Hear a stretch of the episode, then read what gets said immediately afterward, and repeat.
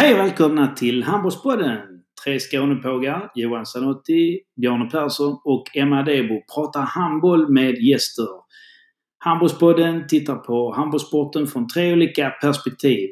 Tränare, barn och ungdom och föreningsperspektivet. Vi låter alltid våra gäster prata till punkt och vi gillar att snacka på skånska. Häng med!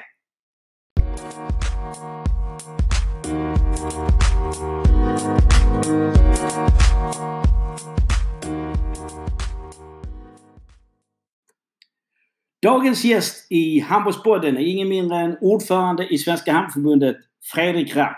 48 år, bördig från Jönköping, där han som ung grabb spelade handboll i IK Tord. När familjen flyttade till Stockholm så småningom blev det också handbollsspel i Hellas och Skuru IQ. Fredrik är gift med tidigare landslagskaptenen Anna Ljungdahl och idag är de bosatta på Lidingö där de har två döttrar som spelar handboll i Lidingö SK och där pappa och mamma är ungdomsledare. Fredrik är VD för familjeägda investmentbolaget Pomona-gruppen som utvecklar bolag i olika branscher och Fredrik sitter med i styrelsen i flera företag. Fredriks bakgrund inom handbollsvärlden är bland annat sju år som ordförande för elitorganisationen Svensk Elithandboll Dam. Och Fredrik har också varit ordförande för handbolls-EM 2016.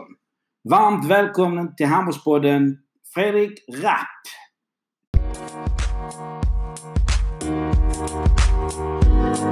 Ja!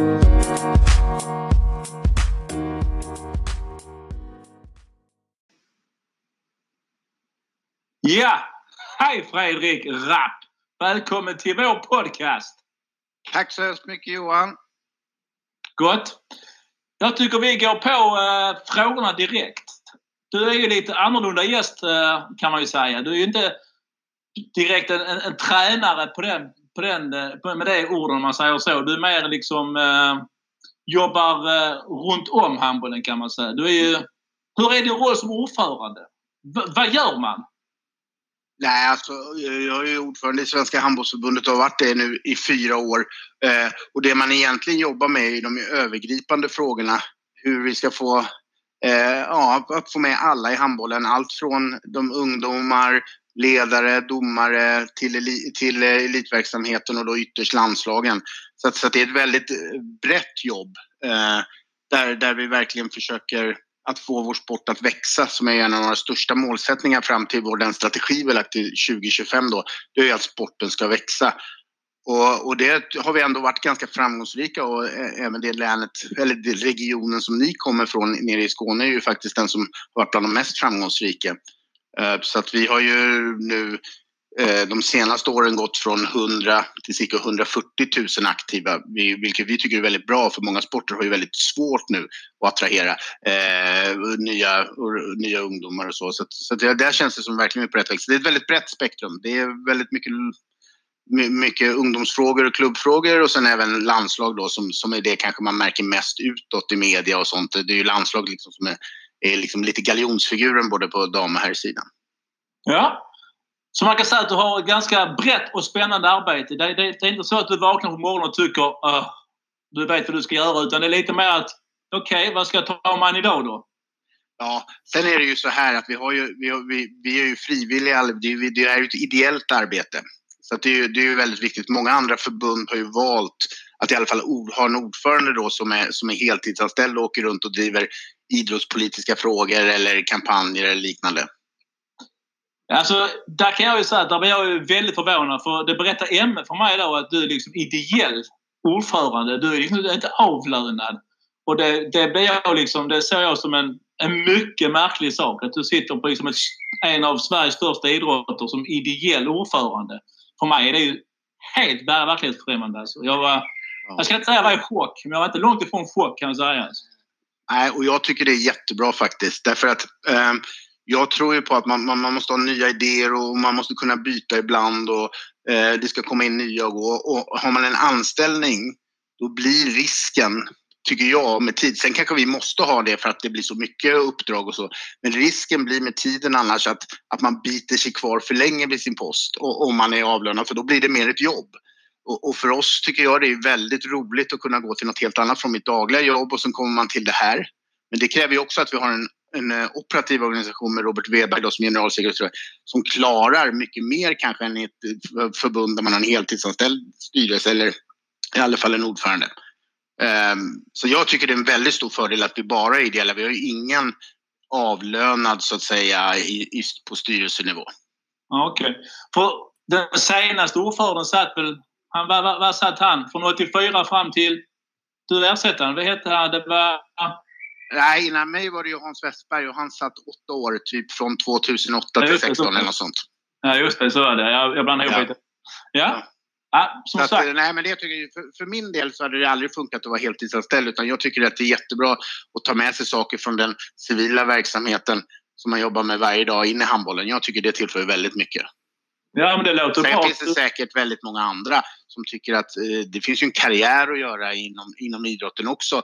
Och, och många andra förbund har ju heltidsanställda och, eh, ordförande som då kanske siktar på att komma upp i RF-styre, alltså som har, liksom, ser det som en karriär. Men jag tror att vi har mycket större urval om man har en sån här ideell ordförande. Ja, då, då ja, kan man... jag, eh, jag har liksom ingen sådär eh, åsikt i den frågan. Jag blir bara väldigt förvånad att man sitter som ordförande i en av Sveriges största sporter och är inte liksom ideell. Jag tycker det är jättehäftigt alltså. Så, att, eh, så det var inte alls det där. Uh, Nej, det tror jag inte. Sen är det så att om man är ideell då brinner man ju, man brinner ju väldigt mycket för det. Så naturligtvis, man får ju, Exakt. tror jag, rätt personer. Sen är det inte säkert att jag är rätt person, men man får rätt personer som ändå attraheras av de här jobben när man gör det ideellt. Men det brukar vara att man, om man brinner för sitt arbete så är man oftast rätt person. Så att, uh, du, jag tycker du kan vara trygg i det. I alla fall från min åsikt i alla fall. Uh, jag har, jag har ju själv varit uh, för, förbundskapten för U-landslag under en ganska lång period. Jag var ju först lite assisterande till Magnus Börjesson och jag startade med Anders Lundin, Ludde. Eh, och sen var jag med Börjesson och sen var jag själv eh, anställd, eller inte anställd var jag inte, men jag var FK förbundskapten för 94-95-landslaget. Och jag, jag, är rätt nyfiken för jag, jag, jag vet inte hur, hur går en process till när, när man anställer en förbundskapten? Eh, inte bara U utan även på A. Alltså A och U-lagen. Ja, och det är ju faktiskt, eh, egentligen är den organisationen helt ny. För förut har det lite gått till, har det varit två olika organisationer för ungdom och för seniorverksamheten. Men nu för tiden så har vi något som kallas Elitrådet. Eh, eh, som då eh, har hand om egentligen alla landslag som Charlie Ström eh, är huvudordförande i. Och där sitter då från, från klubbarna sitter väl Jesper Larsson tror jag och det sitter ja, en hel del väldigt meriterade tränare. Och, eh, och eh, de gör då ett, ett arbete helt enkelt och, och, och, scoutar runt. De vill ha tränare som passar in i den spelmodellen Sverige har. Eller vill ha tränare som kanske bryter av mot vår spelmodell för att få in något nytt. Och sen görs det ett, ett arbete där. Sen kommer den här gruppen eh, fram till ett förslag som de rekommenderar. Och är det på, eh, på A-nivå då, alltså damer eller herrar, då kommer det upp till förbundsstyrelsen för beslut mig veterligen har vi alltid gjort som de har sagt. Eh, I alla fall så länge jag... Alltså det, det ska ju väldigt mycket till om man går emot sin expert. Det är lite som om regeringen skulle gå emot sin expertmyndighet. Eh, det, det känns ju inte så att vi skulle göra. Och på ungdomssidan så, så kommer de upp egentligen bara så bekräftar vi dem. Där, det, där liksom, behövs det inte vara, det bara blir en efterbekräftelse på det. Det Men, bara... det görs ett arbete som, som jag tror är ganska gediget för att få fram rätt personer. Eh, det är ju inte bara handbollsmässigt, det ska ju också stämma med vår värdegrund att man, man, tar hand om, det här är ju ungdomar, ända upp till i alla fall u så är det ju en utbild, utbildning så att säga. Så att ja, det, man ska ju vara bra pedagoger och, och, få fram väldigt mycket annat än just bara vinna på handbollsplan.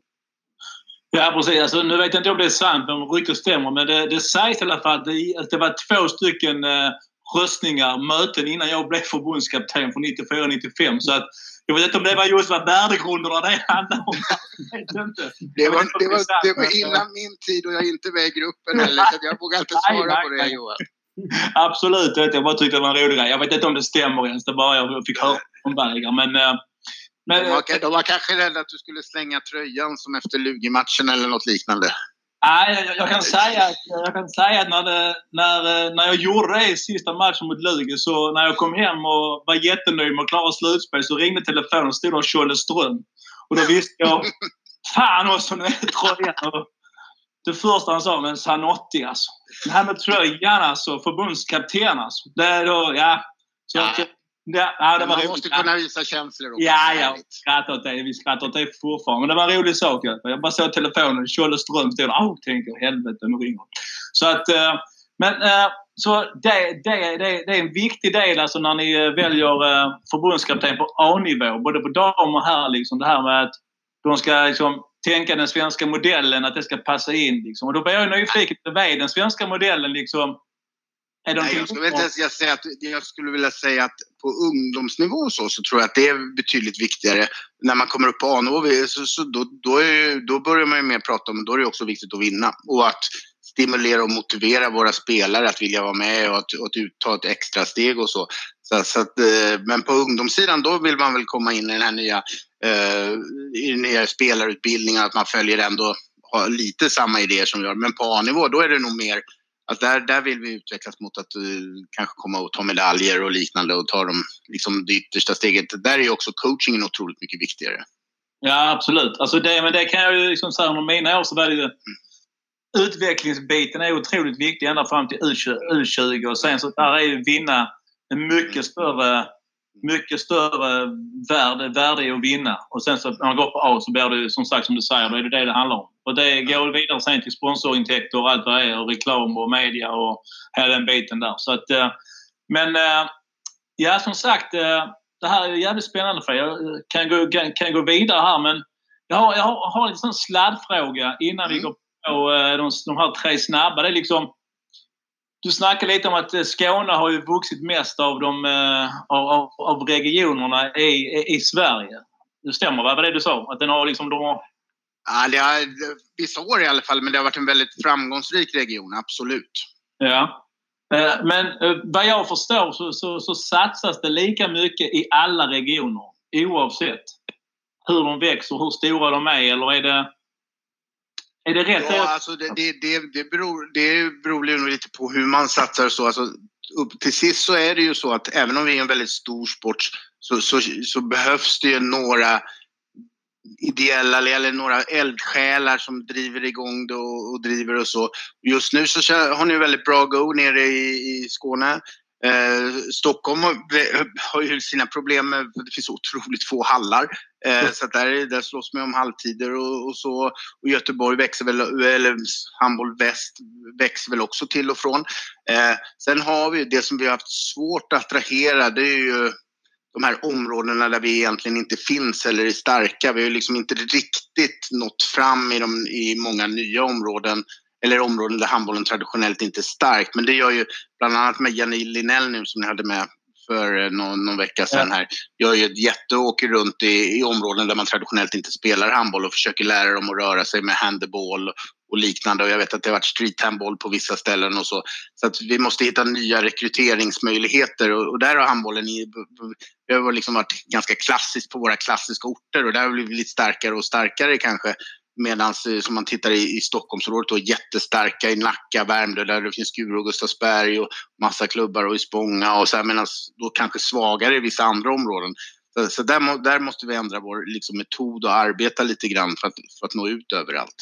Det kanske är så att man ska satsa mer pengar där vi inte är starka för att bli starka och kanske, kanske det kanske går åt det hållet till och med, eller?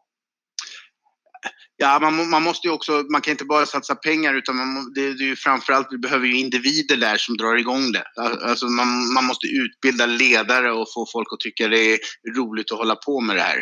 Och det kostar ju naturligtvis pengar men det kan man oftast få projektstöd och sånt från RFSO utan det här är ju att skapa resurser och möjligheter framförallt för distrikten eller de regioner som det kommer bli framöver att ha personer som kan åka ut och göra det här. Det här är ingenting som man ska sitta upp och centralstyra på något sätt utan det här gäller ju att trycka ut i, i regionerna till de som är nära. För att, för att, att Jenny åker ut, det är jättebra, en bra start. Men sen måste vi följa upp det här ute i regionen och jobba vidare med det där. Och det är jätteviktigt. Och det är ju det som Emma och Bjarne och de är, är bra på. Det är ju inte vi bra på i Stockholm. Alltså i Stockholms handbollsförbund är ju naturligtvis det, men inte i svenska handbollsförbundet utan det är, det är distrikten som ska jobba. Nu, nu, nu ska, ska, blir de arga på mig i Stockholm här, utan det är inte det är svenska handbollsförbundet är inte bra på det, men, men däremot distrikten är väldigt bra på det. Ja. Och det är det, de, det, är det de, de som ska göra det naturligtvis. Ja. ja det här är säkert en MF-fråga som jag tycker MF ska ta sig. Men det här med handbolls, alltså handbollshallarna, möjligheten till att träna. Så vi, det ska vi gå in på sen för det är, det är, det är fan mig, eh, det, är, det måste vara vad heter det? Det är ju mer eller mindre bedrövligt. Men det ska vi prata om sen Fredrik. Lite mer sen hoppas jag. Vi går in på det där. Ehm, jag har en liten sån här tre snabba och sen har jag två testfrågor till dig. Mm. Tre snabba och, och två testfrågor. Så vi ska ja. checka av det lite sådär. Uh, vi börjar med tre snabba. Ettan. 6-0 eller offensivt? Offensivt. Härligt. 7-6 eller 6-5?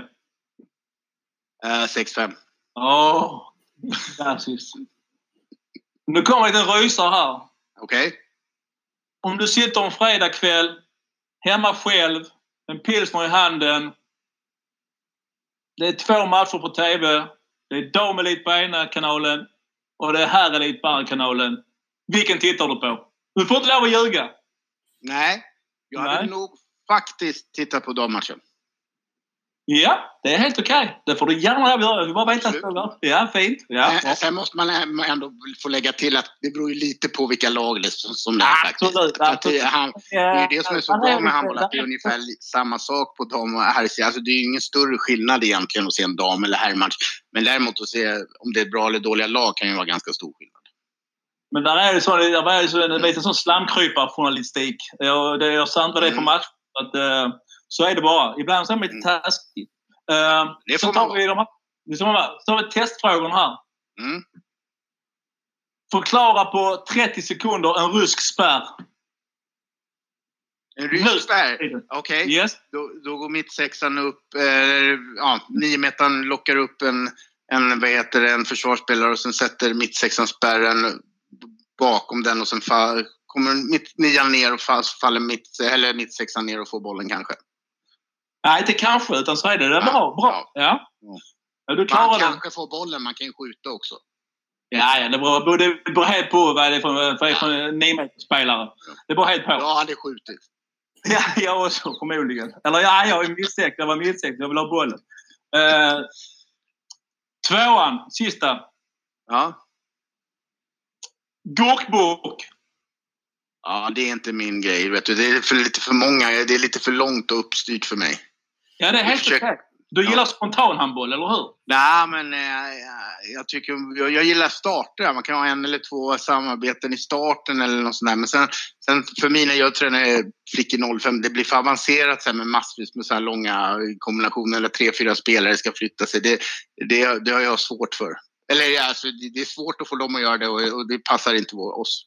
Eller mig. Nej, nej, nej precis. precis. Mm. Jag tror vi sitter och nickar allihopa här på, eh, på den videokameran. Så det var ett mycket, mycket bra svar. Uh, uh, jag, har, jag har inte så mycket mer här Fredrik, utan jag uh, tänkte vi ska avrunda det. Och, mm.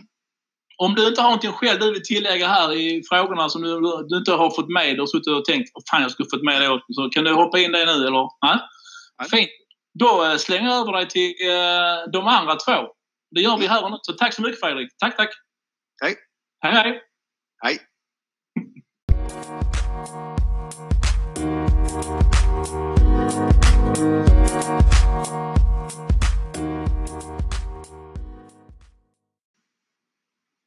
Ja, då fortsätter jag att prata med Fredrik Rapp.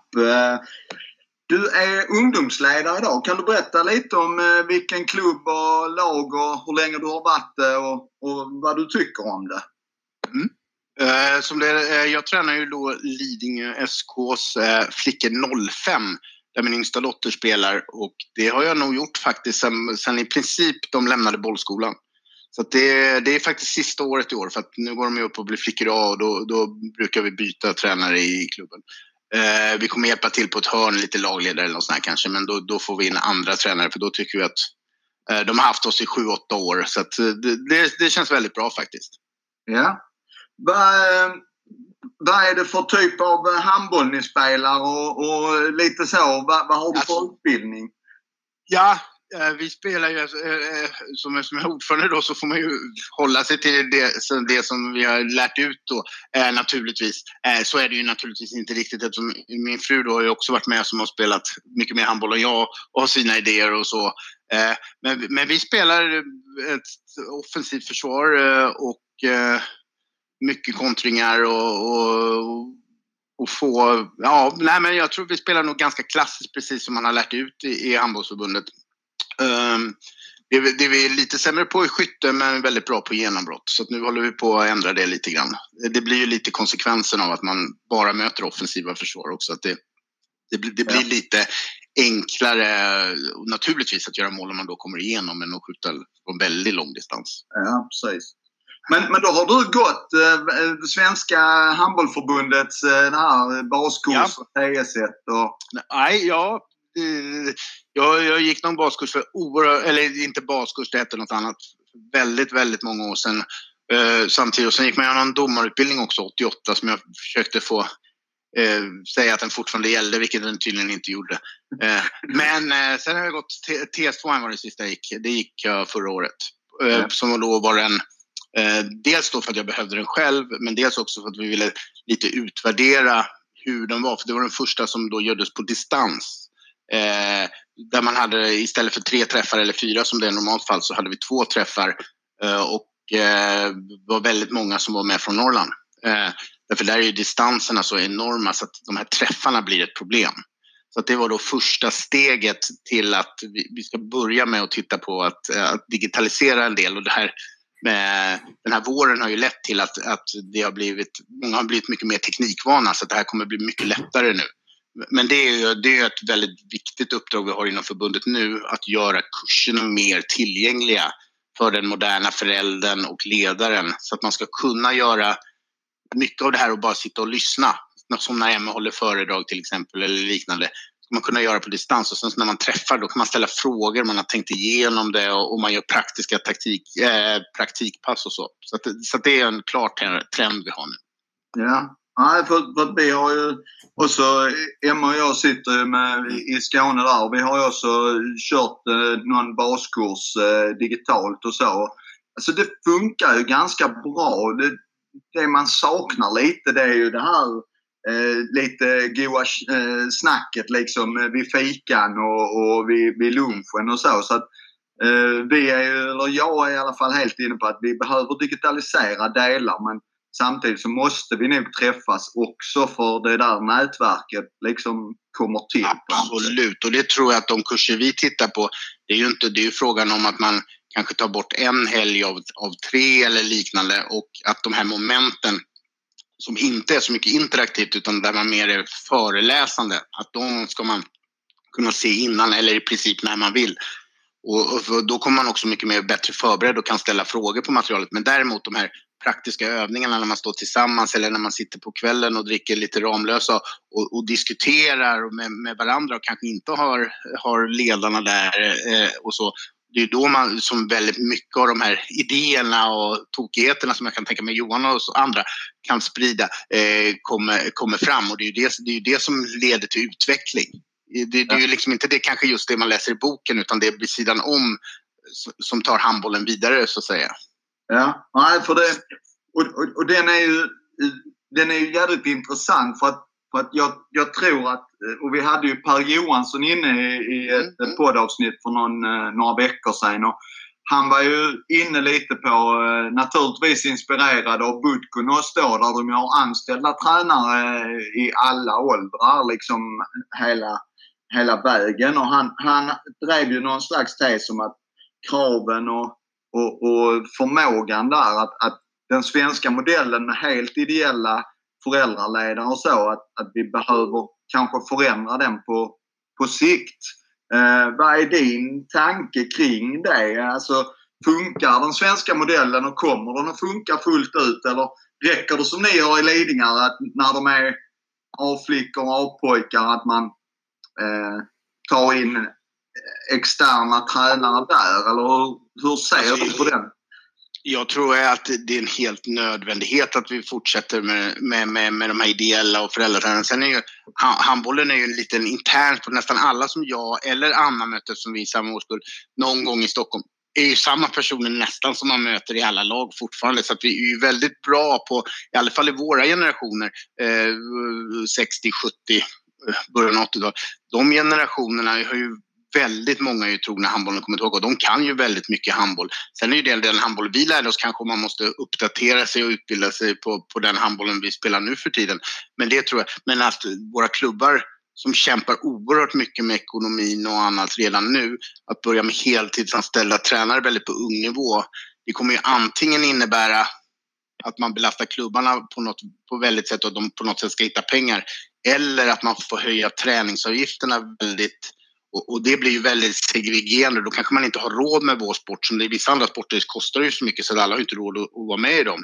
Och det, det tyckte jag var väldigt olyckligt att vi skulle hamna. Så jag tror ju att man måste utbilda de ideella ledarna väl, eh, så väl bra det går och, och, fortsätta på det för att hålla nere kostnaderna både för klubbar och för deltagarna inte minst. Ja, och det, det, det ligger ju som, som du säger lite att de är Eh, vi, vi, är ju ganska mycket fortfarande en villasport eh, om man tittar. I alla fall hos oss i Skåne. Jag tror det är nog lite samma över hela landet där. Men Island har ju den här fritidschecken som Emma har tjatat om där. Att, att samhället går in och betalar lite mer än de kommunala aktivitetsbidragen och, och statliga aktivitetsbidragen som vi har. Eh, hur, Finns det någon möjlighet att förändra det? Eller hur ser, hur ser RF, är det väl mest som driver en sån fråga, liksom, hur, ser, hur ser det lobbyarbetet ut för att få loss mer pengar till idrotten? Alltså, finns det något sånt arbete eller vad är din känsla?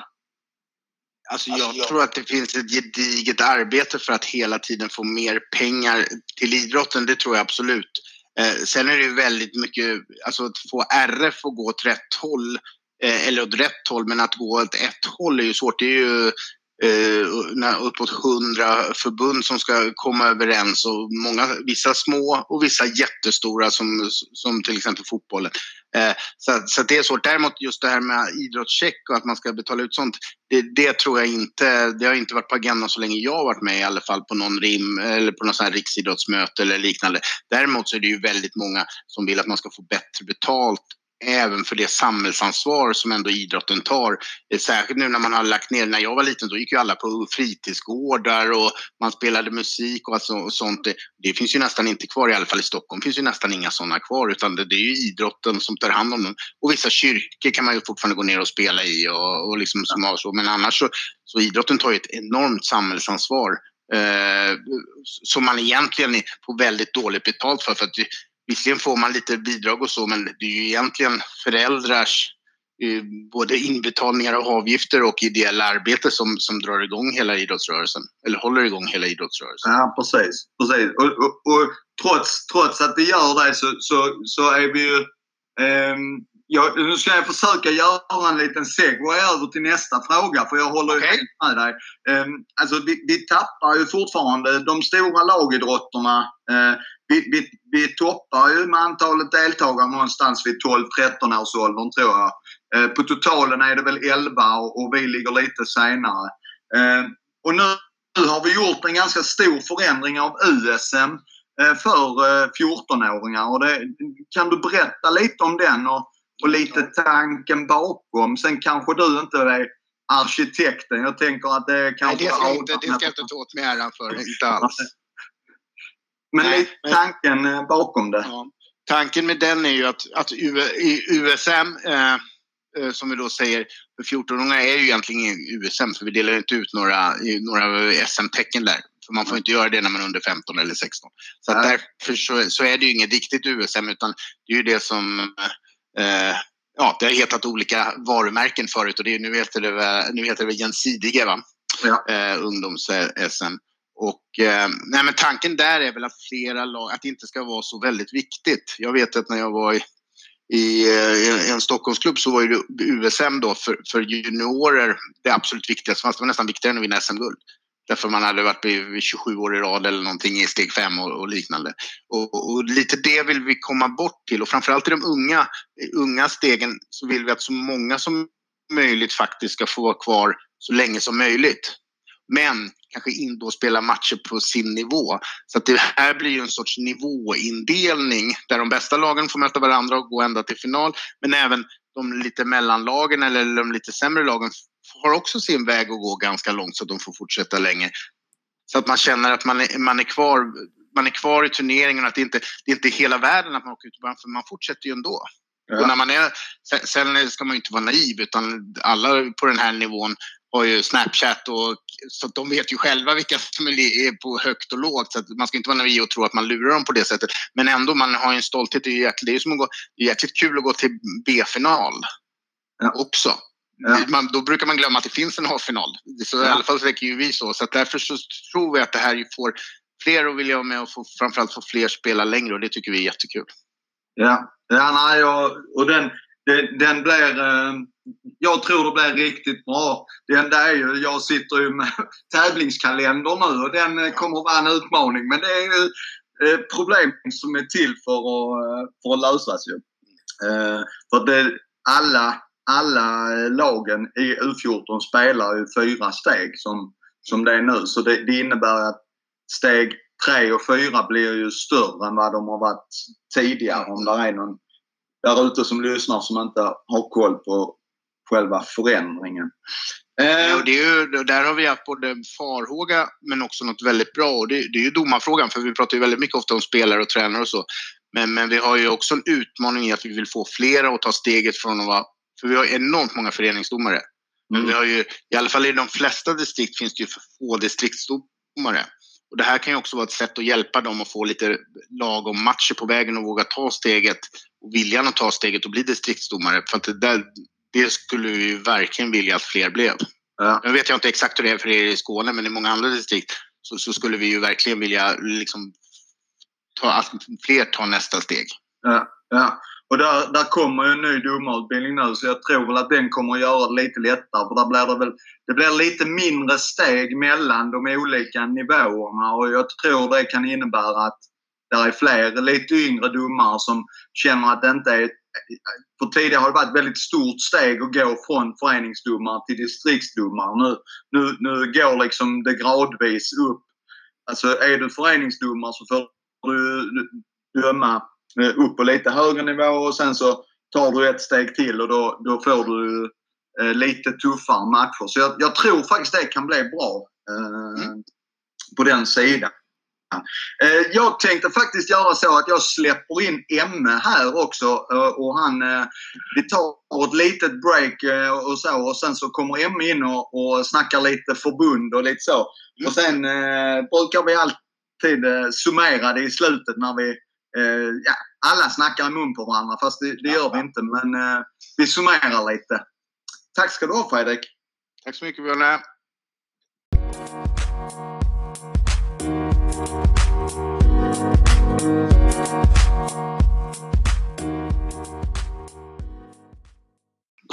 Ja, hjärtligt välkomna till det tredje segmentet i dagens handbollspodd där vi har vår gäst Fredrik Rapp ordförande i Svenska Handbollförbundet. Fredrik, jag tänkte passa på att prata lite förening eller snarare förbund eh, med dig. Mm. Och jag tänker att eh, det var lite spännande att höra tidigare om eh, din roll med Sanotti där som, som ordförande. Jag undrar lite vilka delar och nycklar tycker du behöver finnas i ett förbund eh, för att man ska lyckas? Vilka beståndsdelar är det? Jag, jag, tänker på att du också är en framgångsrik företagare. Man kan inte jämföra företag och idrottsföreningar för det är inte samma sak. Men det finns ju likheter i, eh, i organisationsutveckling och sådär. Vad är det för, för nycklar som behövs för att det ska fungera? Nej, alltså för ett framgångsrikt förbund så är det ju faktiskt så att det absolut viktigaste är ju naturligtvis den, den operativa, det som vi kallar sportkontoret då i, i, i Stockholm. Eh, på förbundsnivå, det är det absolut, det är de som jobbar med det här varje dag. Eh, vi som sitter i styrelsen eller kommittéer och sånt, vi är inne, vi gör kanske special, framförallt kommittéerna då, de är ju bra på sina special, eh, specialområden och så. Men det är ändå de som sitter på kontoret då varje dag och som ska hålla ihop det här. Det är det absolut viktigaste. Har man en bra chef där eller bra chefer där och en bra organisation som flyter på så blir det oerhört mycket enklare för alla andra. Eh, och sen naturligtvis i, som idrotten är uppbyggd så är distrikten, alltså vårt sportkontor och distrikts eller regionskontoren som det ska bli då, det, det är ju liksom de som är de operativa kärnan i hela svensk handboll, så det är oerhört viktigt. Eh, och sen tycker jag ju som, som, som eh, som vi pratade om innan sändningen. Jag tycker det är väldigt viktigt att som styrelse så tar vi de övergripande besluten. Vi kan vara med på detaljfrågor om det är något som vi är väldigt bra på, om man har en jurist eller liksom så här. Men, men sen, sen, vi tar detaljfrågorna och sen är det åt den operativa organisationen att, att genomföra det här. De, de har ett stort eget ansvar där de själva får ta det här och vi litar helt på att de klarar det. Sen stöttar vi och hjälper dem så gott när, när det behövs naturligtvis. Men det, det, det måste, de måste, vi måste se till att de är rustade nog att klara det för att det är de som kan det. Eh, och, liksom, och, det kan inte vara några som kommer in liksom eh, på halv, halvt bananskal och försöker rädda till utan det, det måste vara den organisation som jobbar med det som ska göra det. Jag tycker det låter vettigt. Eh, och jag tänker på att svensk handboll är ju organiserat i lite olika organisationer. Det finns, det finns ju mm. Svenska Handbollförbundet och sen har, äger ni ett dotterbolag som är Handbollslandslaget AB som sköter allt det kommersiella runt landslaget och sen så bildar ni egna bolag när ni har stora mm. mästerskap och sen har ju faktiskt ligaföreningarna en intresseförening där du har varit med i styr, som ordförande mm. på damsidan i många år. Också ett eget bolag. Och sen har vi då våra 13 distrikt runt omkring i Sverige. Jag, mm. jag, jag förklarar allting nu för jag tänker att det inte är alla som har koll på hur svensk handboll är organiserad. Och där, där händer ju något spännande med, med att de 13 distrikten håller på håller på en stor process i svensk handboll och går ner till fem regioner. Vad tror du det kommer innebära för svensk handboll? Hur kommer gräsroten att märka att vi går ner från 13 till 5 regioner? Nej, alltså, vår målsättning, det här är ju inte något som, som vi kommit på uppifrån styrelsen egentligen utan det här är ju ett otroligt arbete som alla vi i svensk handboll har, har lagt ner och det har ju varit över 100 personer från distrikt och klubbar och, och, och även från förbundet som varit inblandade i det här. Och det här munnar ju egentligen ut till att vi vill ha starka regioner där man kan ha en, egentligen en komplett bemanning så att man kan sköta alla ärenden. För nu har det varit, nu är det, ni är ju lite lyckligt lottade då som sitter i ett stort distrikt. Men så att alla distrikt över Sverige, även de små, ska ha samma förutsättningar och då vill vi skapa ett litet center som inte behöver sitta på samma ställe men som man har ett center, man har arbetskamrater, man kan, eh, man, man, kan få en, en, helt enkelt en lite större body för, för, att sköta det. Och det ska ju i sin tur ge att både klubbar och gräsrots, den lilla spelaren eller eh, domaren där ute ska känna att man får mycket mer stöd och resurser. Så, att, så att det här är ju för att ge, liksom, skapa mer handboll för varje krona som vi sätter in i organisationen. Och att handbollen då ska, sam, det ska vara lika över hela landet. Så att, eh, oavsett om man är i ett stort distrikt eller ett litet distrikt så ska man få samma förutsättningar. Man ska ha lika många utbildningar, man ska kunna gå lika många kurser och så. Nu har det ju varit väldigt olika över landet de distrikt som har orkat dra igång massa, ha massa kurser och haft liksom underlaget för att hålla kurserna. Medans vissa mindre distrikt har inte haft det på samma sätt. Så det här är ju mer att vi ska få ut mer handboll för varje krona vi satsar och att det ska vara väldigt, bli mer lika över landet. Det, det låter som ett, eh, ett litet lyft för, eh, för, hela, för svensk handboll över hela, hela linjen. Men en sak som jag funderar på Fredrik, det är ju att vi är, vi är väl ett eh, 20-tal anställda som jobbar ute i, i mm. distrikten och det är kanske en 12, 12 personer hos dig på förbundet centralt. Va? Och sen, sen så har bolagen några anställda också. Jämfört med, med våra vänner i Sverige, i Danmark och Norge så har vi, har vi ändå lite begränsade resurser i svensk handboll och jämför vi oss med, med Frankrike där man bygger för många miljoner ett, ett center i Paris för utveckling av mm. handboll så ligger vi back. Hur ska vi i svensk handboll kunna konkurrera med, med Danmark, Norge, Frankrike för att vara en, en, en, en världsklassnation i handboll som vi gärna vill vara. Absolut, och då, då, tror vi att det här är ett första steg. För jag tror att många, om man då går till näringslivet så brukar ju mycket av det här bli när man, man lägger ihop så brukar det bli för att rationalisera och jag tror att det här blir också rationalisera men jag tror det inte nödvändigtvis utan snarare tvärtom att man kommer nog bli fler personer. Vi kommer då ha råd och möjlighet att ha fler personer som jobbar med handboll professionellt på distrikts eller på regionsnivå då. Så det tror jag är nödvändigt. Sen tror jag att vi måste hela tiden jobba med de medel vi har. Eh, att sikta upp på de här som har enorma statsstöd som de har till exempel i Frankrike och så. Eh, dit har vi, det är en ganska lång resa och jag är inte säker på att, att, att vi kommer komma dit i, i, Sverige. Men däremot att vi ska ha, måste ha starka regioner och kanske även inom regionerna kretsar där vi har folk som jobbar med det varje dag och framförallt rekryteringsverksamheten.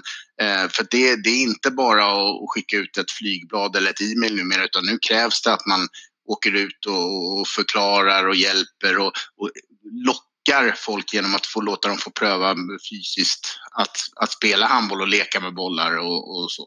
Så att det tror jag definitivt att det här kommer leda till att vi kommer vara fler anställda eh, än vad vi varit i den gamla organisationen. Här blir steget ganska kort till nästa fråga. Vad är din, din vision Fredrik den dagen du, du slutar som ordförande i Svenska Handbollförbundet? Vad vill du lämna ifrån dig för för organisation. Eh, jag, jag vet, du kan svara Vision 2025 men det är lite tråkigt så det får du inte. Ja, ja nej, nej men jag tycker att det, det absolut viktigaste är att vi fortsätter, att vi känner att att, att vi fortsätter att växa, att vi lockar folk att komma till vår sport. För det, det, är ju ändå det, att kan vi få fler att börja spela handboll hela tiden, att vi får, kommer upp på fler orter och så, då löser sig mycket av det andra på vägen. Även om det blir problem, vi får problem med ledare, vi kanske får problem med domare och sånt. Men, men det är ju angenäma problem. Kan vi locka folk att börja spela, fler att börja spela handboll, så, så kom, det är ju det absolut den största visionen.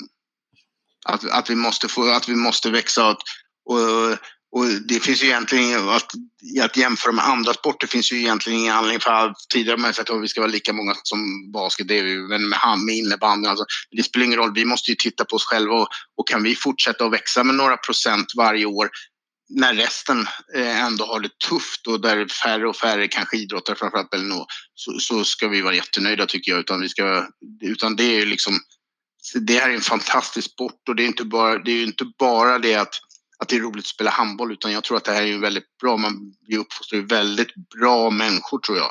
Vi har en ganska stark värdegrund och man beter sig på ett väldigt bra sätt mot varandra och så. Och det, och det tror jag är väldigt nyttigt i det, i det samhälle som vi är i idag. Jag tror det. Vi har någon sorts speciell värdegrund i handbollen mm. som är, vi är stolta över. Det är ju mm. ganska, ganska så jämställd sport när vi tittar på mm. antal utövare. Är, vi har en speciell fair play på matcherna. Det är väldigt sällan det filmas. Det är väldigt sällan det, det blir slagsmål i handbollsmatcher och så mm. vidare.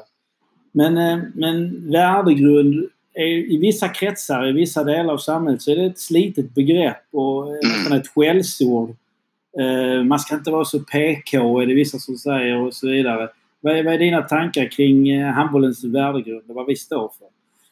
Nej, men jag tror absolut att vi inte ska tumma på att vi står för att vi ska liksom ha en jämställd mångfald och vi ska behandla varandra med respekt och så. Det får man aldrig tumma på.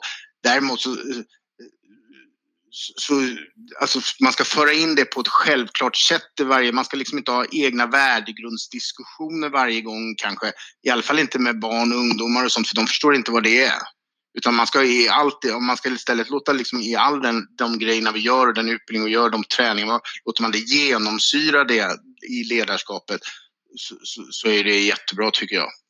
Eh, och, det, och det är ju ofta så att tonen sätts ju av de första tränarna. Eh, och, och därför är det så otroligt viktigt att, och de är nästan alltid familjetränare, eller eh, föräldratränare. Så att de, man har en bra basutbildning där man, där man lär ut hur vi ska bete oss mot varandra och hur, hur man ska betrakta varandra och så.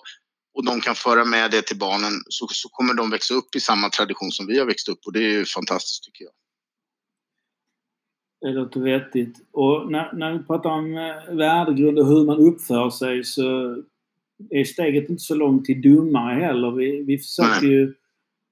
Vi har lite brist på domare generellt sett mm. i Sverige och, och, även i Skåne skulle vi behöva fler domare även om vi ännu klarar av att ha två domare på alla matcher i princip. Men en fråga till dig där. Nu skulle du inte lägga dig i operativa saker men jag tycker att domarna är lite anonyma i Sverige. Vi har ju Mirsad och Mattias och andra världsklassdomare mm, i, i, Sverige. Hur, hur, kan vi, hur kan vi lyfta upp de här som, som förebilder? Systrarna Benani syns ju en del faktiskt och det är väldigt positivt för vi behöver få mm. unga killar och tjejer till att, längta efter att bli domare och också se den här andra karriären som finns inom handbollen. Man kan bli ledare, man kan bli domare, mm. man kan bli uh, publik, sponsor och man kan bli spelare också naturligtvis, elitspelare. Men, men hur kan vi, kan vi göra ännu mer där med sociala medier? Kan vi, kan vi få fram domarskrået ännu mer i, i centrum på något sätt? Det tror jag, det tror jag absolut. Eh, och, och, och, det är väldigt viktigt. Jag vet att i något distrikt så, så har de ju gjort det. Eh, sen är det ju tyvärr så här fortfarande och det jobbar vi ju jättehårt med med matchvärdar och annat att ibland så är det en tuff miljö att vara ungdomare. Särskilt när man kommit upp och har äldre spelare eller där det börjar bli publik och så. Eh, och det måste vi jobba jättebort med för att det, det är inte alltid, jag har ju haft döttrar som dömt och eh, det har inte alltid varit eh, jätteglada miner när de kommit hem faktiskt. Eh, så det, det, måste man ju jobba med och det, jag vet att det är supermycket mentorer och äldre domare ute och stöttar dem och så. Sen naturligtvis, vi ska faktiskt ha ett möte med med alla elitdomarna här i, i höst med förbundsstyrelsen och, och prata värdegrund och massa annat sånt som vi gör varje år. Eh, eh, inte just med dem, men med, med, med olika gör vi det varje år. Och, och, och, det är naturligtvis så att vi måste få förebilder, att det måste vara superkul att vara domare om man ska liksom, för det är ju ett väldigt spännande jobb och man får, om man blir duktig får man ju åka på många fler ställen än A-landslagsspelarna egentligen för att man får åka runt och döma Europacuper och massa sånt. Så det är ju en jättefin karriär som man dessutom får betalt för delvis. Så är det ju. Och, mm. alltså, det är ju väldigt kul att döma också men mm. ibland kommer bara den här jobbiga bilden fram. Jag, tycker ju ändå att handbollen är ganska snäll jämfört med andra mm. lagidrotter, min personliga reflektion. Mm. Sen vi införde minihandboll, sen vi tog bort tabeller upp till 12 år så, så i vart fall i Skåne är det ju väldigt sällan som eh, som vi får in, eh, eller i princip aldrig vi får in disciplinärenden i de yngre åldrarna när, när man får börja som föreningsdomare eller det som heter steg 1 och steg 2-domare nu. Så jag, jag hoppas, eh, jag hoppas vi kan lyfta domarna mer tillsammans i framtiden. Mm. Att, att, det, Absolut. att det är någon sorts cool, coolhet kring det. Absolut. Och, att vi har och sen är det ju så här att oftast när det är när föräldrar eller några som skriker, alltså det är ju egentligen, man ska, det är ju passion. Det är ju det är inte så att de egentligen är elaka för de har ju ingen aning om vem domaren är så det struntar ju de i egentligen. Utan det är ju passion för att de vill, så att bara man kan kanalisera den rätt så att mm. istället för, för, kan man kanalisera den till att heja istället för att skälla eller gnälla så är det jättebra. För man vill ju inte heller ta bort passionen.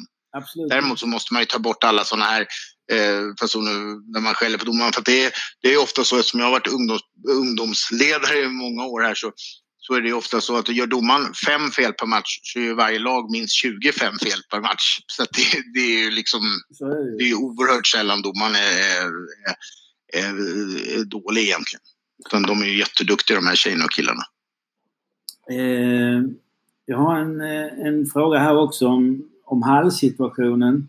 Mm. Vi märker ju eh, i Skåne att det har blivit eh, väldigt positivt med alla hallbyggnationer vi har haft. Det finns ju relativt nya arenor i, i Eslöv, i Kristianstad, i Lund, i Helsingborg, i Ystad. Nu finns det nya hallar i, i Hörby, ny hall i Burlöv och så vidare. Och så vidare. Hur, hur, eh, upplever ni den situationen i, i Stockholm där du verkar som ungdomsledare och, i, och i landet i stort med halvsidan? Nej, det är ju, eh, jag skulle säga att det är oerhört tufft. Um, uh, Stockholm och Göteborg faktiskt. Göteborg har ju tidigare ändå varit en ganska stor idrottsstad. Eh, men, men nu har de ju till exempel rivit uh, Lisebergshallen och det har ju det har de ju vetat om i tio år men det har fortfarande inte dykt upp någon ny hall. Och den är, nu är det väl nej till den nya hallen nere i Frihamnen där också. Så, att, så att det är väldigt bekymmersamt. I Stockholm byggs det i princip inga hallar och i, i innerstan om det byggs hallar så är de ju inte fullmått.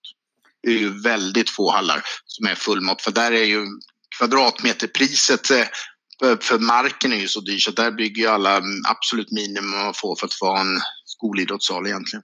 Tyvärr. Eh, Men det sker, där är det ju så att Stockholms distrikts idrottsförbund, som inte då är handboll utan för alla idrotter, eh, de driver en stor grej om det här. För det här gäller ju också simhallar och ishallar och liknande. De enda som egentligen har varit väldigt framgångsrika i Stockholmsområdet det är ju konst och fotbollsplaner. För nu är ju alla gått fotbollsplaner med konstgräs helt plötsligt. Eh, vilket är lite annorlunda från en själv som spelade på grus och med nickers och sånt. Så nu, nu har de ju väldigt bra ungdomarna måste man ändå säga. Eh, men hallproblematiken är jättesvår. Eh, och det är nästan så att det är svårt att få bygga en hall även om man vill bygga den själv. Eh, vi har ju haft några klubbar, både inom, en inom handboll och någon inom gymnastik och så, som fått kämpa många år fast även få bygga en egen hall. Trots att det finns plats och att man betalar den själv och så. Så det, det är inte helt enkelt. Nej. Men, men där tror jag att där måste ju idrotten tillsammans alla de stora sporterna egentligen gå ihop och driva ett ganska stort paket. För vi har ju ganska, eh, vi har ju ganska många medlemmar och det, medlemmarna är ju ändå röstberättigade. Många föräldrarna i alla fall får ju rösta i val och så. Så där gäller det att driva opinion mot politikerna helt enkelt. Ju... För att i, i många av de här stora bostadsprojekten så, så är ju en, en idrottshall en oerhört liten peng. Du, du var ju inne på det innan att vi, vi, vi kan bli en angelägenhet för hela samhället. Mm. Vi kan göra mm. samhällsnytta. Och när, när det är kris och det är flyktingkris eller det är mm. eh, barn är överviktiga eller sånt så vänder man sig till idrotten i vanliga fall. Så jag håller med dig helt där. Jag tänker på hallsituationen också. Jag har hört någon som har berättat att i centrala Stockholm så finns det runt 15 hallar splittat på 600 000 människor som bor i centrala Stockholm. Och i, central, och i Lund där det bor 120 000 människor finns det också 15 hallar. Så det, mm. det är ju en otrolig skillnad. Nu, nu är jag ju Lundabo så jag tar det exemplet. Men jag tänker på Malmö, där bygger man ju hallar på höjden. Att man bygger hallar ovanpå varandra. Så med tanke på markpriset så kanske det mm. kan vara en del av lösningen. Och jag tror att ni är med i ett projekt med andra idrotter också för att ta fram morgondagens idrottshallar med White Arkitektbyrå eller vad det var. Absolut. Det, det här för, för, några, för några år sedan, det var ganska många år sedan, så tog man ju fram den här gurkburkshallen. Nu skulle vi inte prata om det förstås. Men, men, eller gurkburkar gillade vi ju inte. Men gurkburkshallen gillade vi. Det var ju en väldigt billig hall, som man kunde, alltså egentligen en plåtlåda som man kunde slänga upp för, jag tror 10 miljoner i princip vad som helst med färdiga ritningar och allting sånt. Eh, och, och den byggdes faktiskt några stycken, men inte så många. Och nu då eh, tas ju fram en som heter Framtidens idrottshall som är mer, eh, inte bara en idrottshall utan mer som ett aktivitetscenter. Man kan spela alla sporter eh, men man kan också, eh, ja de har lite rutschbanor och det är liksom rep och klänga i och man kan göra parkour. Och det, det är liksom ett aktivitetscenter. Så det är en blandning mellan idrottshall där man kan ha idrott och, och eh, eh, en fritidsgård kan man säga. Där, där allting. Nu vet inte jag exakt för det här ska presenteras i september på någon eh, stor grej så jag, jag har bara sett lite grann. Men, men eh, det är ju ett, för att göra det enkelt för en förening att gå till sin kommun och säga att här är en färdig hall, här är ritningar, mm. ni behöver inte, sen behöver man ju konsulter för att hur man ska marken och så men alltså i princip så ska man kunna göra det enkelt för politikerna att ta beslut. För att hoppa över Annars så ska ju de ta in, eh, göra en upphandling av konsulter. Man sparar ju massa år på, på att kanske ha ett färdigt koncept. Sen, med, sen hur kommunen hanterar det med offentlig upphandling och sånt, sen så, så kan det ju bli lite långkörare ändå om man ska vara ärlig. Men, men, men, tanken är att göra det så enkelt som möjligt för politiker eller för den delen en privatperson eller en, eller en firma eller något att bygga en sån här hall. Det låter jättevettigt. Jag har sett lite på eh, något utkast på ritningar där. Mm. Det är verkligen... Folk... Det ser ju väldigt roligt ut att gå dit. Man skulle ju faktiskt själv vilja vara där och ha lite kul. Fredrik, vi börjar bli för gamla men vi får väl klänga lite i lianerna också. Ja. Tack så länge Fredrik. Vi bryter ja. där och så återkommer vi för lite mingelsnack alla fyra om en liten stund. Ja.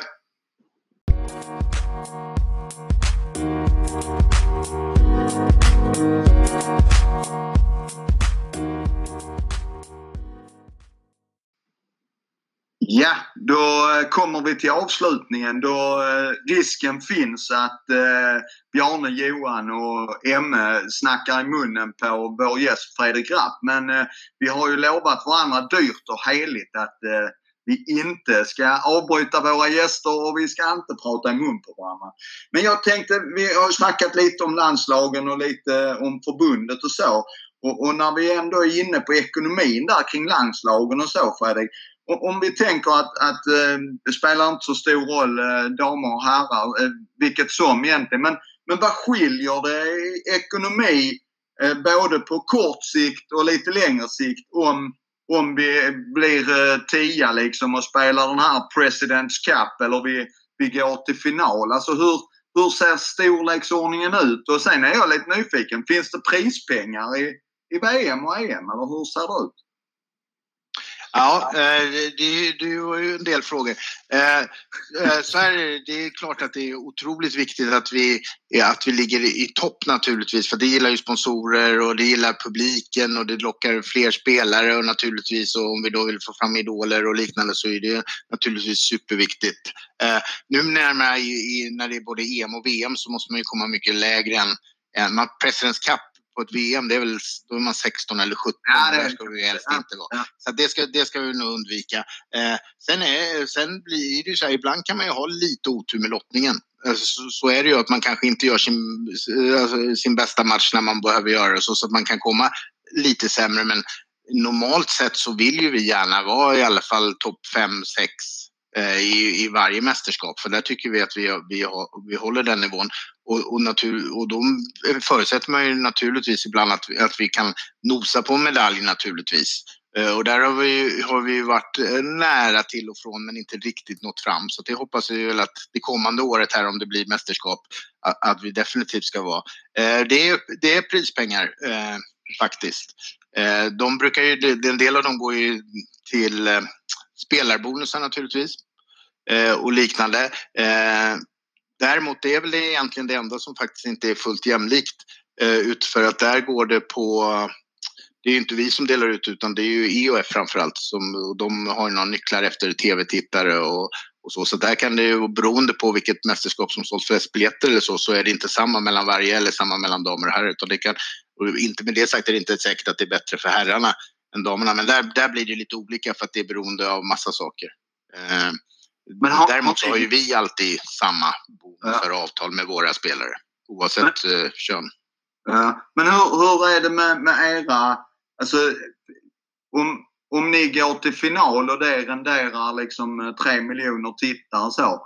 Får, eh, ja, nu, nu, nu gör jag ju reklam för min gamla arbetsgivare Sparbanken Skåne där till exempel. Ja, ja. Alltså blir det, blir det, får ja, de betala kan... mer då eller? Hur jag, jag vet faktiskt inte. Jag vet att några sponsorer tidigare i alla fall har, har, haft eh, har haft eh, resultatbonusar. Det går ju nästan alla i, i, många ifrån i alla fall därför att exponering är ju, är ju en sak, men vi gör ju så otroligt mycket mer med våra sponsorer. Vi är ute och, och pratar vår värdegrund. Vi, har, eh, vi låter dem vara med och de kan köra kanske teambuilding med oss och, och, och massa saker. Så, att, så att det här just att exponeras i TV för våra stora sponsorer är det en så liten del. Vi gör ju så otroligt mycket annat med dem också. Eh, Sen är det perfekt om ni bjuder in Stefan Lövgren som kan de här avtalen i huvudet eh, någon gång och, och, kan han berätta exakt vilka som har. Men, men, jag tror att vi har färre och färre sådana sponsorer numera därför att vi vill vara, vi vill vara en komplett sponsor till dem oavsett om vi är med i mästerskap eller inte utan vill ge, vi dem tillräckligt med värde jag, jag försökte sälja in det till marknadschefen eh, för rätt så många år sedan i Sparbanken Skåne. Att, att eh, eftersom det ändå är eh, sparbanker som är med och huttar in pengar i ganska många eh, elitlag så borde ju de eh, köpa båda liganamnen och döpa det till Sparbanksligan här och dam ju. Och så, så får de ju pynta för det För det är ändå det är räkarna i, i Eskilstuna och det är Alingsås där och så är det Sparbanken Skåne. Som, mm. Så att, ehm, det, är, det är tips till marknadscheferna i Sparbankerna. Och, gå ihop Det låter ju bra och då, då blir ju Gensel och, och Nicolas Larsson i, i ligaföreningen glada också. Ja, ja precis. Ja, ja. Nej, det, nu kom jag av i ämnet. Det var bara jag som hade en, eh, en tanke. Vi, vi släpper in eh, Johan eller Emme för ni har ju suttit här och, och, eh, och funderat lite. Alltså jag, jag, jag, jag är inte så djup som, eh, som Bjarne och Emme. Jag är mer liksom eh, lite sådär, sitter och fördjupar mig i andra tankar och spår kanske. Men jag sitter liksom, jag har ju varit på jag har ju varit på eh, norska huvudkontoret, handbollskontoret där uppe. Jag har varit på det danska liksom. Och, jag har haft möten och så men jag har ju faktiskt aldrig, aldrig, aldrig varit på det svenska. Men alltså jag har en bild när man kommer upp på det danska och norska så eh, så är det som att gå på en tidningsredaktion. Där springer folk med papper och är, man hör faxljud och det klickas på tangenterna och liksom så här. Vänta, Hur är det på Nej, jag, ville bara, jag ville bara skapa en bild av en tidningsredaktion på, på 80-talet. Stålmannen-redaktionen. Ja, det, var något, det var telexen som lät va? Ja, ja. Men eh, du förstår vad jag menar. Hur är det när man kommer? Alltså, hur... Eh? Nej, men jag skulle vilja säga att faktiskt nu för tiden, alltså, vi har ju flyttat, eh, så länge jag har varit med i handbollen har vi varit på tre ställen. Och nu, är vi, nu sitter vi i, i det ja, tredje idrottens hus så att säga som ligger i Skanstull där, där flera idrott, andra idrotter sitter och RF faktiskt sitter. Eh, och det känns som det är faktiskt en ganska dynamisk och stimulerande miljö.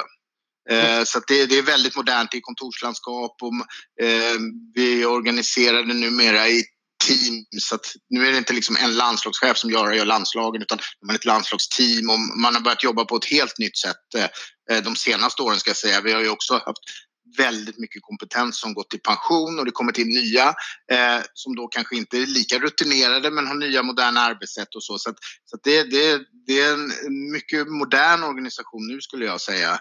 Eh, sen tar vi hela tiden nya steg eh, när man sitter fast i i många av de här RF-systemen som idrotten online som är hela det idrottsadministrativa systemet och så, så, så går ju inte förändringar våldsamt snabbt. Nej, nej. Utan det, det, det, det är successivt och då får man göra lösningar vid sidan om och så. Men, men annars så tror jag att det, det är en ganska rolig verksamhet att jobba på förbundet nu tror jag.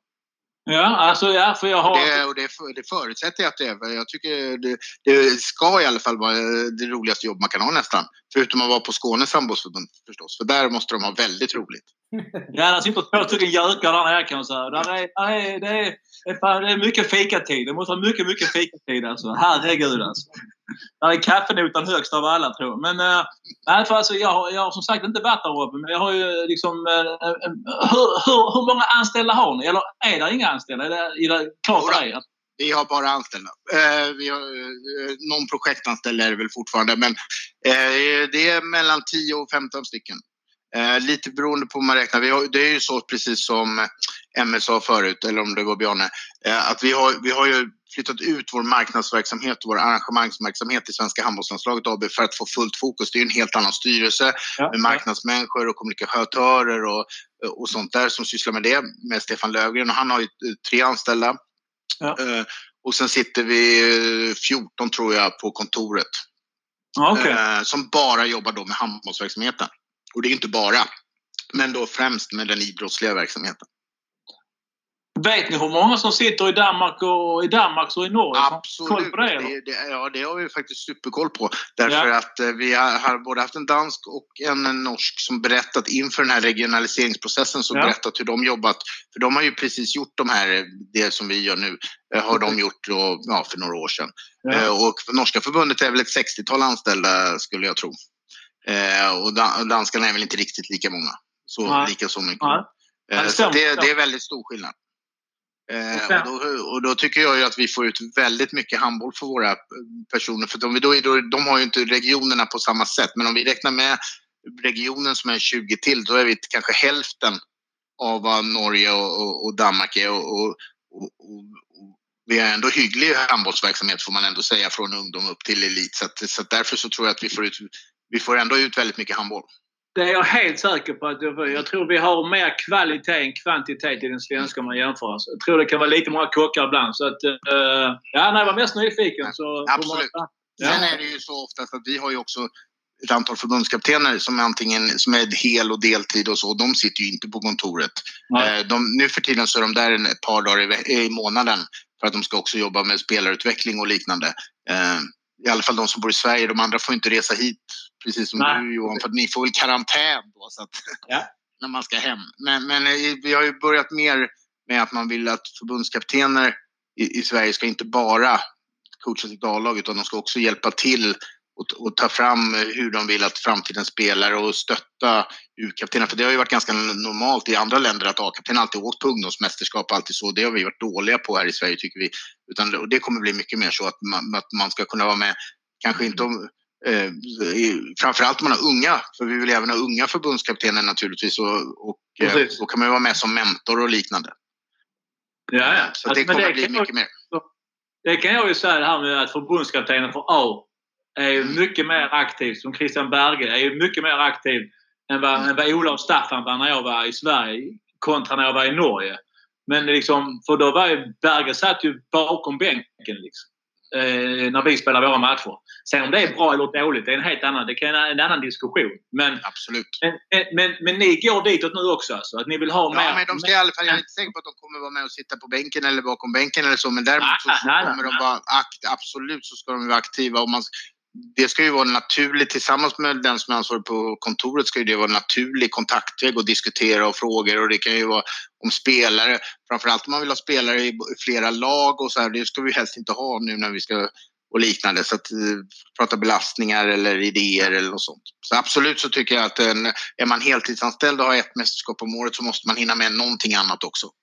Men då kan jag säga att de två förbundskaptener som sitter nu, Axnér och Solberg, där kommer ni få hands-on. Och där har ni gjort mm. ett riktigt bra val i just den frågan. Ja. Det är jag helt mm. säker Så grattis till dig alltså. Jag funderar lite också på om, om, om Berges roll var att stötta dig som U-kapten i Norge eller om det var att han skulle kontrollera om du kastade av dig tröjan på matcherna. jag tror... Ja, jag, ska, jag, ska, jag svarar, jag ljuger aldrig. Jag kan säga att jag tror det var en mix av det där alltså. Jag kan, tro, jag kan säga att det var en mix av det. Handboll och värdegrund på en gång.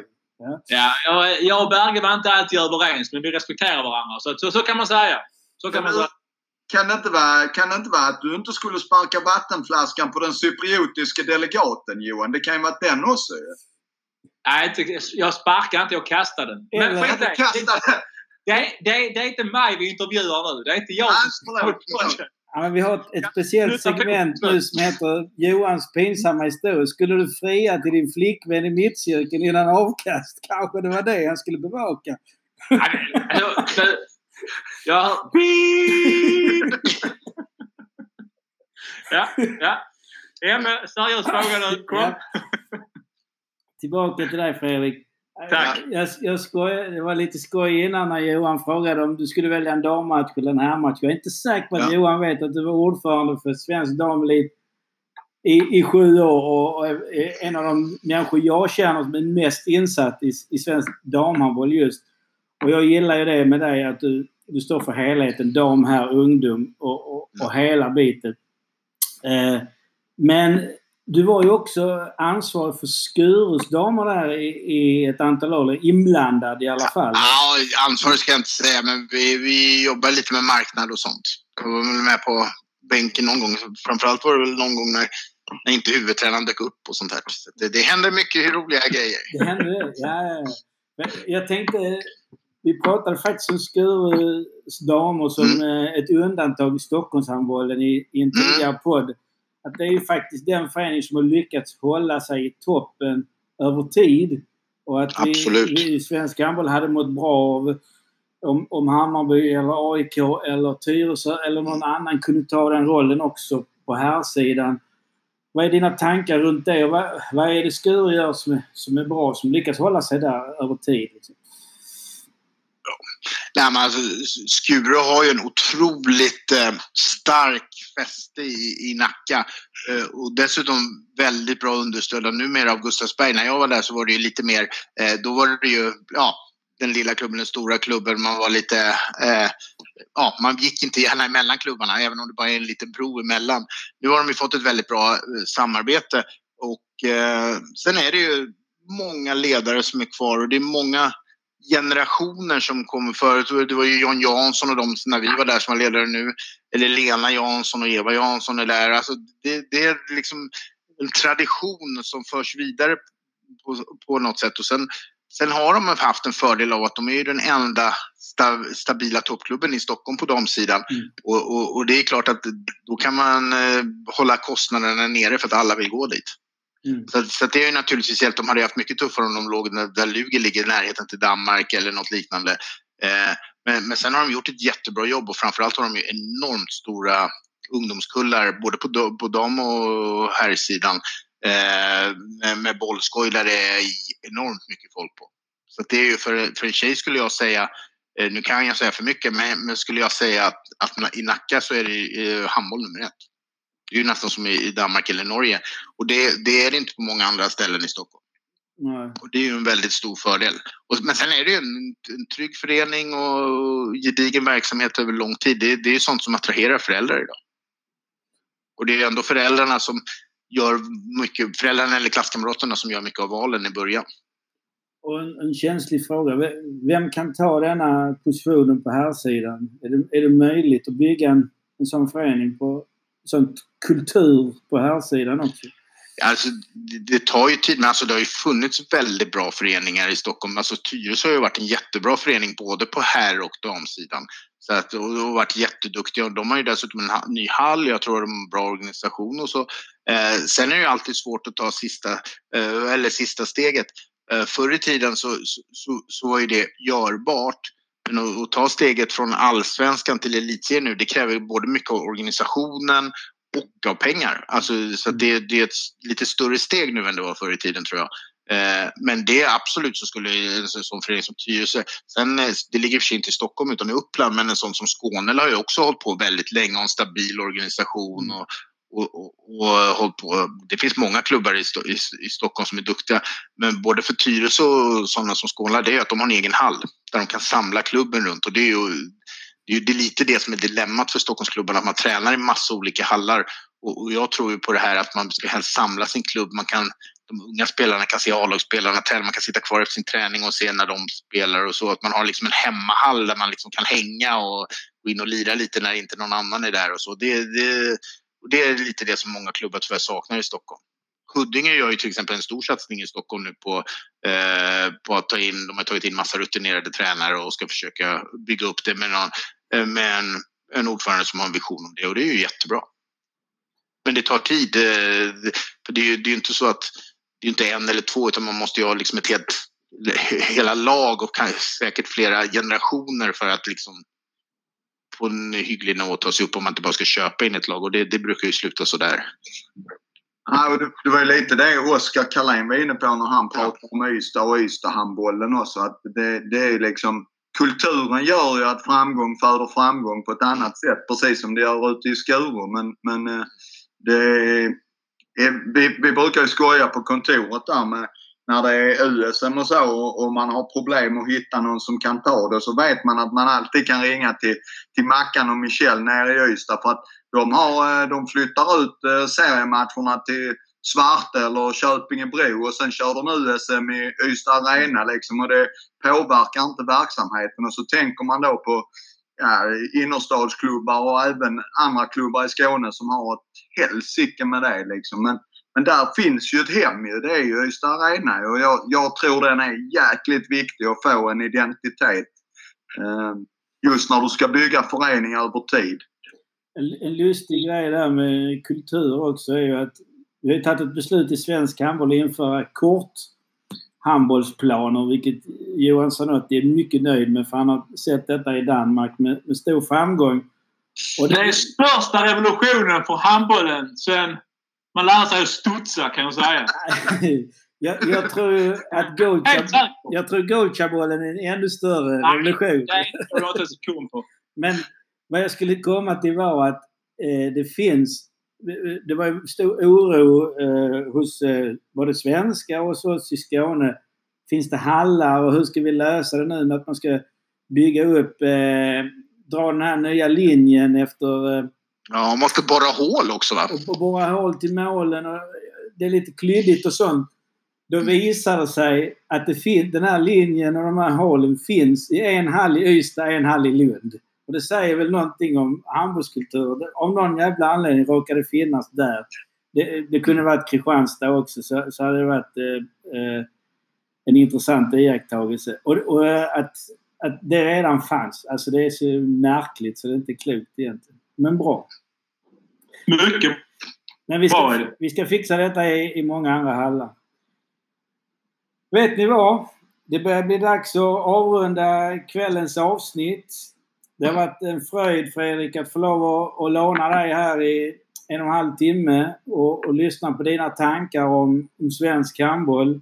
Det känns som svensk handboll är i trygga händer. Vi i Skåne vi spanar ut eh, över eh, hela landet och ser vad som händer med utvecklingen och försöker och eh, komma med våra bidrag till svensk handboll. Tack så jättemycket. Jätteroligt att vara med. Tack så mycket Fredrik. Det var riktigt Tackar. givande. Kanon. Tack så Ha det mycket. gott. Hälsa Tack så familjen. Detsamma, detsamma. Trevlig sommar. Samma. Hej, Hej, hej.